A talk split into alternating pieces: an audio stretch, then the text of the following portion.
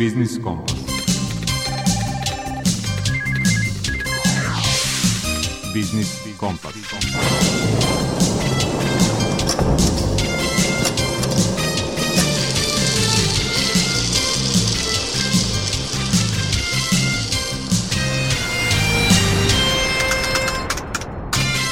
Dobar dan, ja sam Eva Tomović i bit ću sa vama u današnjem Biznis Kompasu. Emisiju počinjemo rubrikom Aktuelno. Srbija se s Rusijom dogovorila o nastavku isporuke gasa. Iako će prema novom trogodišnjem ugovoru cena tog energenta biti nešto viša i dalje je povoljnija nego na berzama u Evropi. Stručnjaci su saglasni u tome da je ugovor o kupovini ruskog gasa dobar zbog cene, ali i zbog trenutne energetske i geopolitičke situacije. Zbog rata u Ukrajini situacija na međunarodnom finansijskom tržištu je neizvesna. Evropska centralna banka prema najavama podići će referentnu kamatnu stopu na jesen, što je signal da poskupljuje evro. Kakva je sudbina evra i drugih valuta? O tome u rubrici Iz mog ugla govori profesor na Ekonomskom fakultetu u Beogradu Ljubodrag Savić. U rubrici Svet preduzetništva čućete više o konkursima Garancijskog fonda Vojvodine za preduzetnike i mlade. U rubrici Predmet financije Nikola Đukić iz Narodne banke Srbije govori o pritužbama građana, prema kojima su klijenti bili uslovljeni otvaranjem računa prilikom podnošenja zahteva za odobravanje kredita.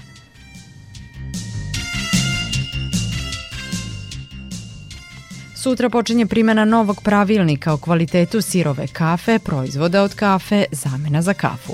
To znači da ni jedna kafa na policama u radnjama neće smeti da nosi taj naziv ukoliko u njoj ima makar i gram ječma, žira, graška ili leblebije. To je tema rubrike Potrošačka korpa prava.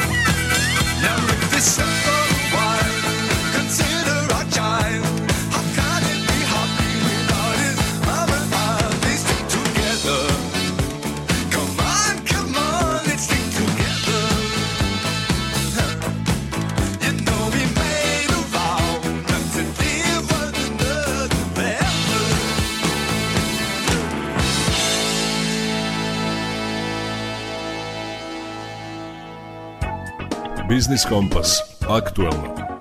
Predsjednici Srbije i Rusije dogovorili su se u telefonskom razgovoru o dva osnovna elementa budućeg ugovora o gasu.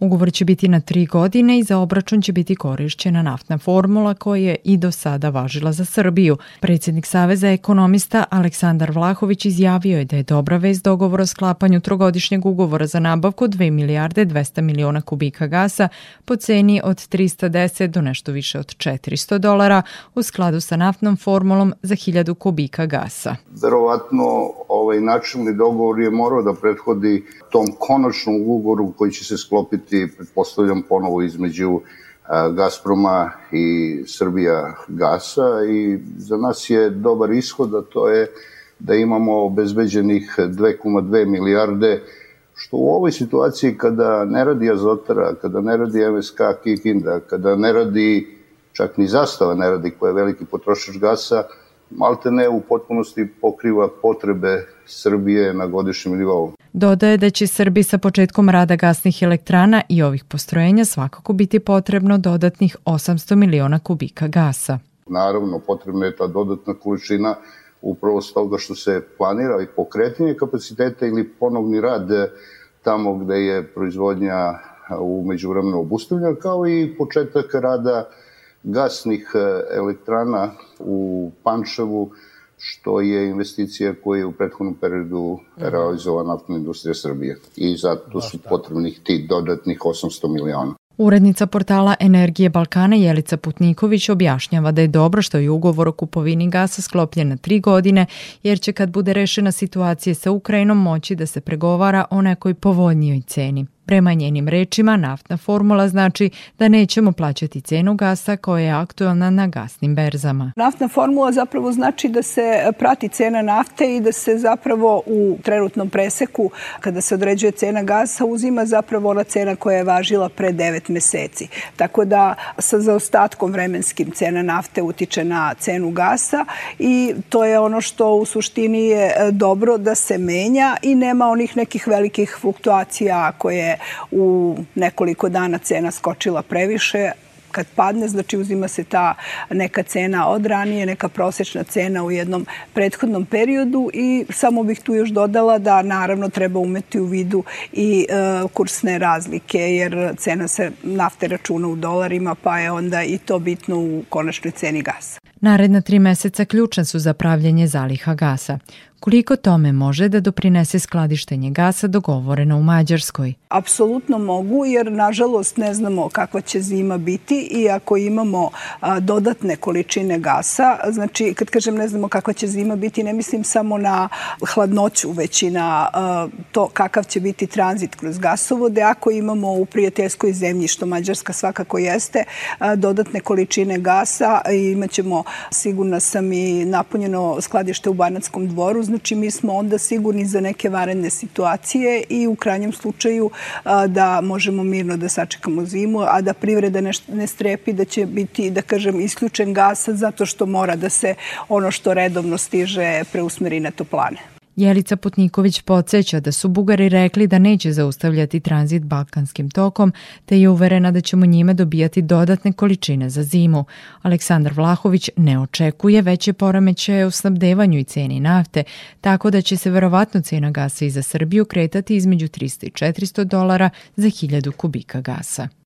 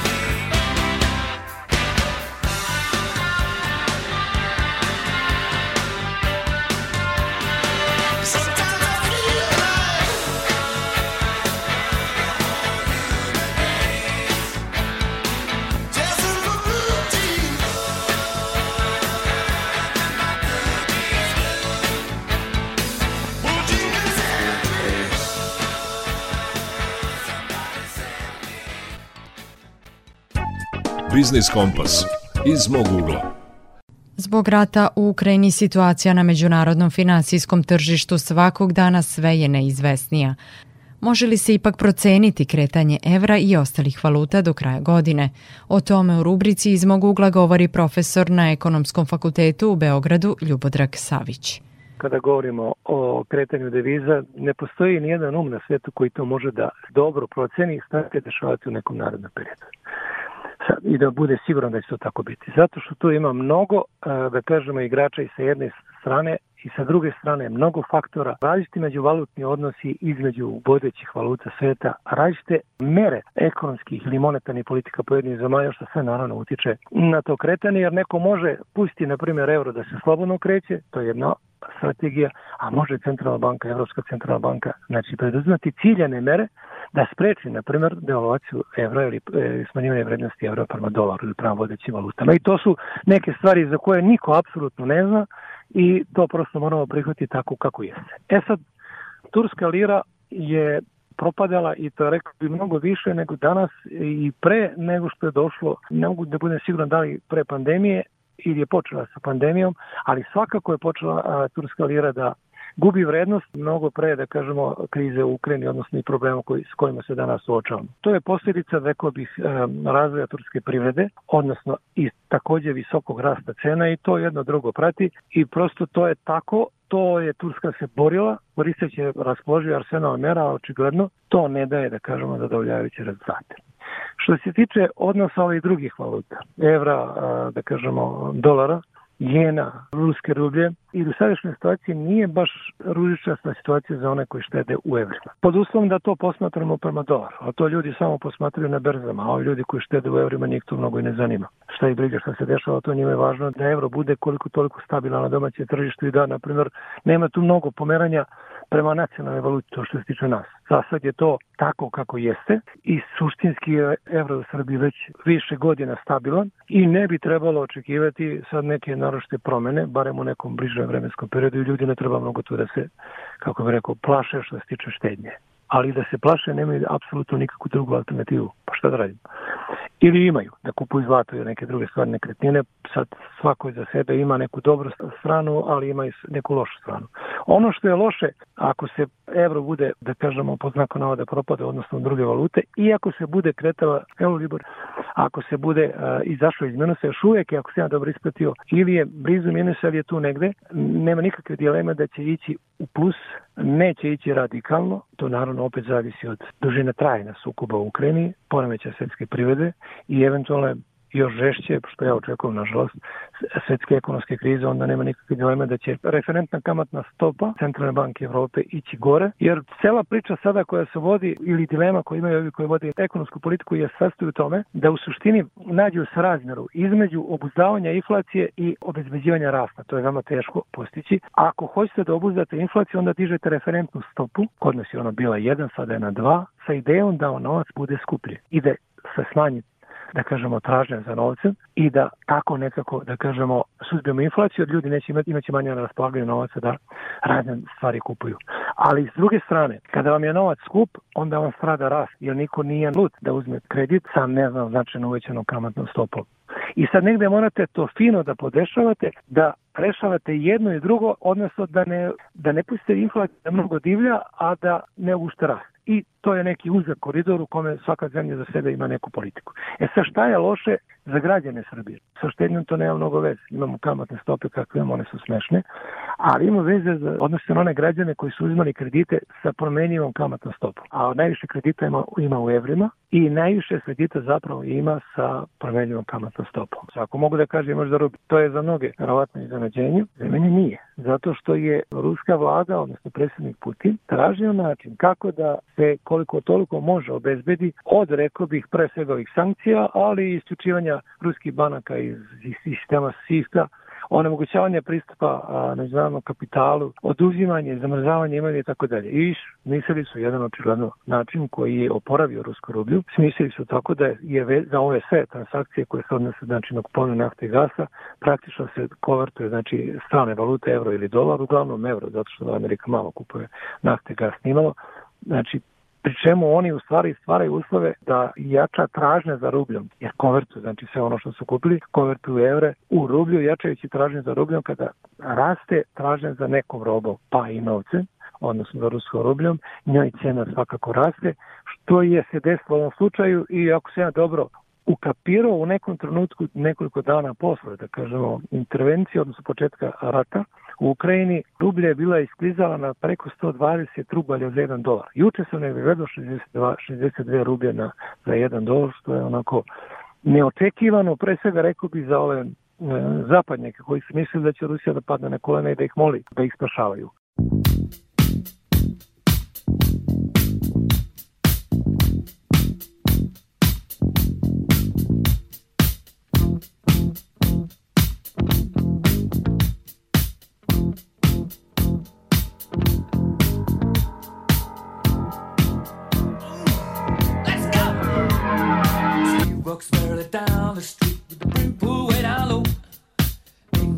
with the sound of his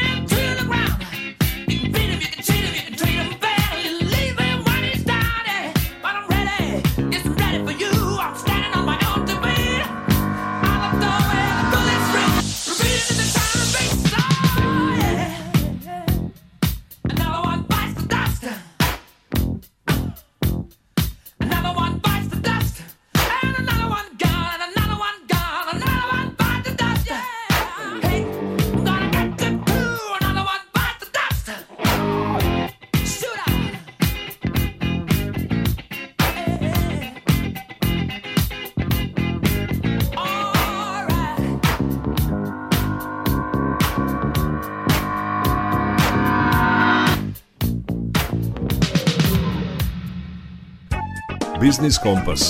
Svet preduzetništva. U rubrici Svet preduzetništva predstavljamo konkurse Garancijskog fonda Vojvodine za preduzetnice, vlasnice malih preduzeća i mlade do 35 godina. Detalje ćete čuti od Marije Prokopić iz Regionalne razvojne agencije Bačka. Šta se finansira ovim konkursom? A pre svega nabavka opreme namenjena obavljanju poslovne delatnosti, kao i obrtna sredstva, ali maksimalno 30% od ukupne vrednosti investicije. Ono što se ne finansira jeste nabavka putničkih uh, vozila, zatim uh, oprema namenjena opremanju ugostiteljskih objekata, kafića, trgovinskih objekata, kockarnica, Isto tako, oni subjekti koji su u oblasti proizvodnje ili trgovine duvanom ili proizvodnje i promet roba i usluga koja se prema domaćim propisima i međunarodnim konvencijama smatra zabranjenim, isto neće biti predmet finansiranja. Kome su namenjeni za žene preduzetnice, ali i mlade do 35 e, godina starosti, čije je prebivalište, odnosno buduće poslovno sedište radnje ili preduzeća na teritoriji autonomne pokrajine Vojvodine. Garancija će se izdavati na iznos do 100% ukupnog potraživanja banke po kreditu, glavni dug uvećan za redovnu kamatu i eventualnu zateznu kamatu i e, odobren po sledećim uslovima. Minimalan iznos jeste 2000 eura do maksimalno 20.000 evra u dinarskoj protivrednosti. A, ono što je bitno takođe jeste rok otplate kredita do 6 godina od dana puštanja kredita u korišćenje. Grace period je do 12 meseci. Nominalna kamatna stopa e, je u dogovoru sa poslovnom bankom s obzirom da se ovaj aranžman realizuje u saradnji sa bankom i e, prevremena otplata je moguća, ne, ne zaračunava se zatezna kamata, a, naknada banke za obradu kredite do 1% od iznosa odobrenog kredita i ono što je bitno jeste da a, celokupan tekst ovog konkursa kao i potrebna dokumentacija mogu se naći na sajtu Garancijskog fonda AP Vojvodine koji se nalazi a, na adresi znači www.garfond.rs Isto tako možete garancijski fond kontaktirati putem telefona 021 489 3700. Garancijski fond se nalazi na adresi Hajduk Veljkova 11 u Novom Sadu.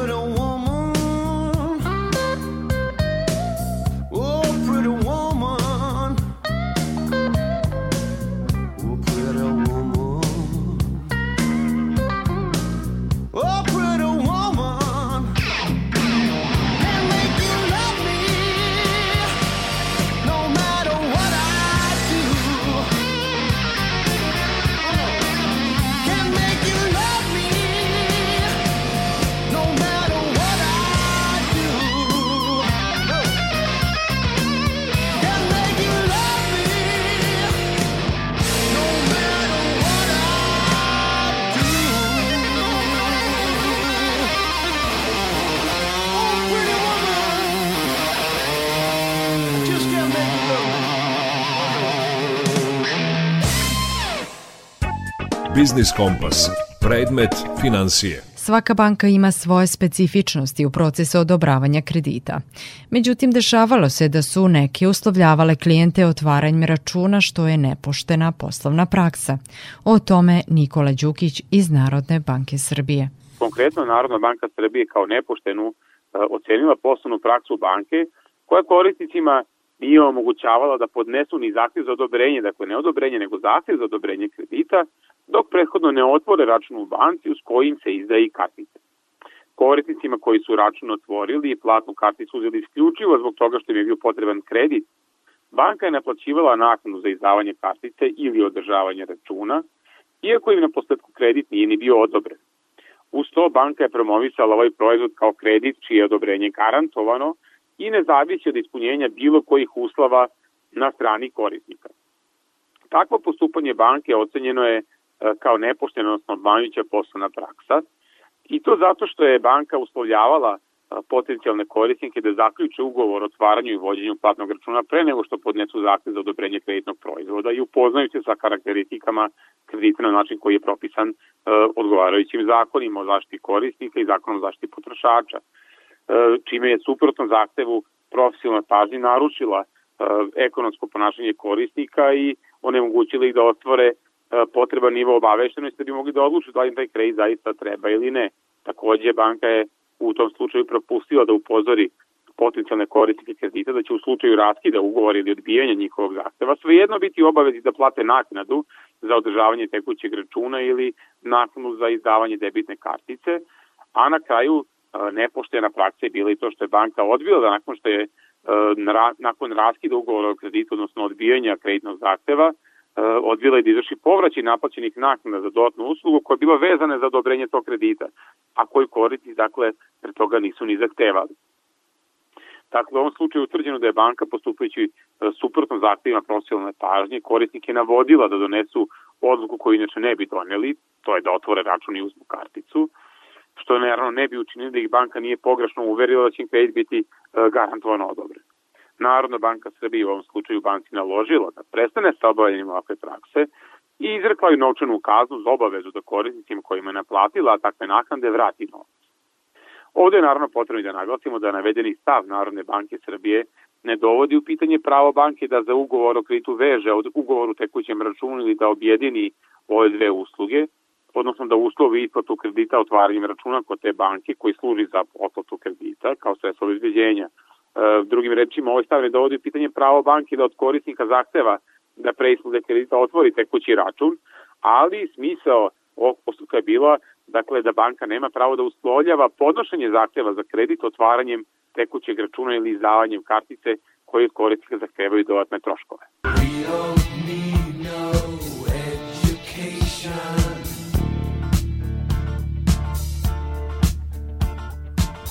Don't control. No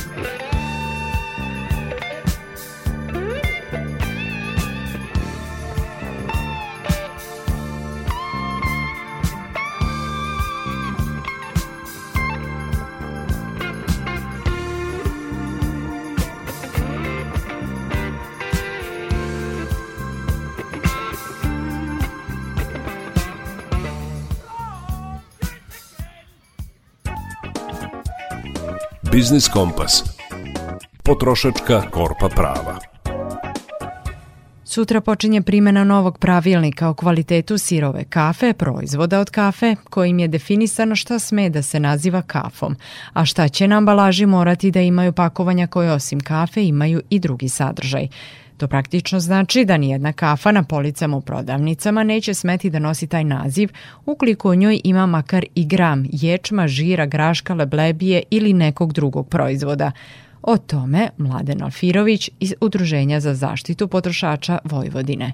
Ono što je ključno jeste da više ni jedna kafa na policama u radnjama neće smeti da nosi taj naziv ukoliko u njoj ima makar i jedan gram neke druge žitarice kao što recimo ječam, graša, bledija i slično. I taj novi pravilnik striktno je definisao zapravo šta sme sve da se zove kafa, a šta će na ambalaži morati da imaju pakovanja koje pored kafe imaju neki a, drugi sadržaj. Trenutno se na tržištu pod ovim imenom nude zapravo razni proizvodi različitog kvaliteta i sadržaja sa a, različitim dodacima a, koje proizvođači vrlo često i ne navode. Dakle, jedno veliko istraživanje koje NOPS proveo pre nekoliko godina je pokazalo isto to, upravo te rezultate da mi zapravo pored kafe pijemo i raznorazne su, surogate koje se mešaju sa kafom, a da se njihov uh, sastav zapravo i ne može naći na deklaraciji proizvoda, tako da praktično mi u nekim situacijama nismo ni znali šta još konzumiramo pored uh, osnovne sirovine. To najčešće su radile neke manje privatne pružionice, ali nadamo se da će ovoj praksi sad stupanjem na snagu novog pravilnika doći kraj i ono što očekujemo jeste kontrola tržišne inspekcije da bi se pravilnik primenio u punoj meri. Jer mi više puta smo to ponavljali do sad, mi možemo da donesemo i najbolje propise i najbolje zakone, međutim ukoliko se ne obezbedi njihova puna i dosledna primjena u praksi, ukoliko nemamo redovne kontrole nadležnih inspekcija, ti propisi ostaju mrtvo slovo na papiru. Ovaj pravilnik vrlo jasno kaže da se prava kafa može zvati kafom, a sve ono što ima i druge sadržaje mora biti e, jasno naznačeno na ambalaži. Konkretno na jednom primjeru, ako je udeo pržene mlevene kafe u mešavini veći od 50%, proizvod će nositi naziv proizvod na bazi kafe, pa na primjer sa ječnom ili nekom drugom e, žitaricom koja se tu takođe nalazi. Ako je udeo kafe manji od 50%, takav proizvod recimo će imati naziv proizvod na bazi ječma sa kafom i ono što je najvažnije, ta informacija se mora nalaziti na prednjoj strani pakovanja kako bi potrošači mogli da dobiju punu informaciju, kako bi mogli da se informišu pre nego što kupe određeni proizvod. Takođe pravilnik definiše šta sve može da bude zamena za kafu i navodi da su to ječan, raž, pšenica, ječmeni slad, cikorino, korenje, rogač i brojne druge žitarice. I takođe, uh, ono što je bitno napomenuti jeste da je ovaj pravilnik ustrojen još 2020. godine. Dakle, pre dve godine međutim proizvođačima je dat rok uh, od dve godine da se prilagode i da svoj proizvodni proces, ambalažu svog proizvoda potpuno usklade sa, sa odredbom novog pravilnika, tako da zapravo uh, očekujemo da će sad nakon stupanja na snagu 1. juna potrošači biti u mogućnosti da kupuju znatno kvalitetnije proizvode iz, iz ovog segmenta i ono što je u najvećem interesu potrošača jeste zapravo stupanje ovog pravilnika na snagu, a proizvođači će sad konačno morati da jasno i nedvosmisleno na ambalaži navedu šta to još e, stavljaju i da zapravo menjaju e, naziv ukoliko se u pakovanju nalazi čista kafa, već i neke druge žitarice. Istraživanja neka pokazuju da zaposleni u Srbiji bukvalno ne mogu bez kafe i više ankete ukazalo na to da čak 75% zaposlenih dnevno popije makar jednu šoljicu kafe tokom radnog vremena, a nekada je taj broj često i veći. Sve u svemu uh, može se zaključiti da se u Srbiji na dnevnom nivou popije između 5 i 5,5 hiljada šoljica kafe na, na radnom mestu. Tako da je ovo vest za, za sve zaposlene i one nezaposlene koji konzumiraju kafu da će konačno moći da kupuju znatno kvalitetnije proizvode.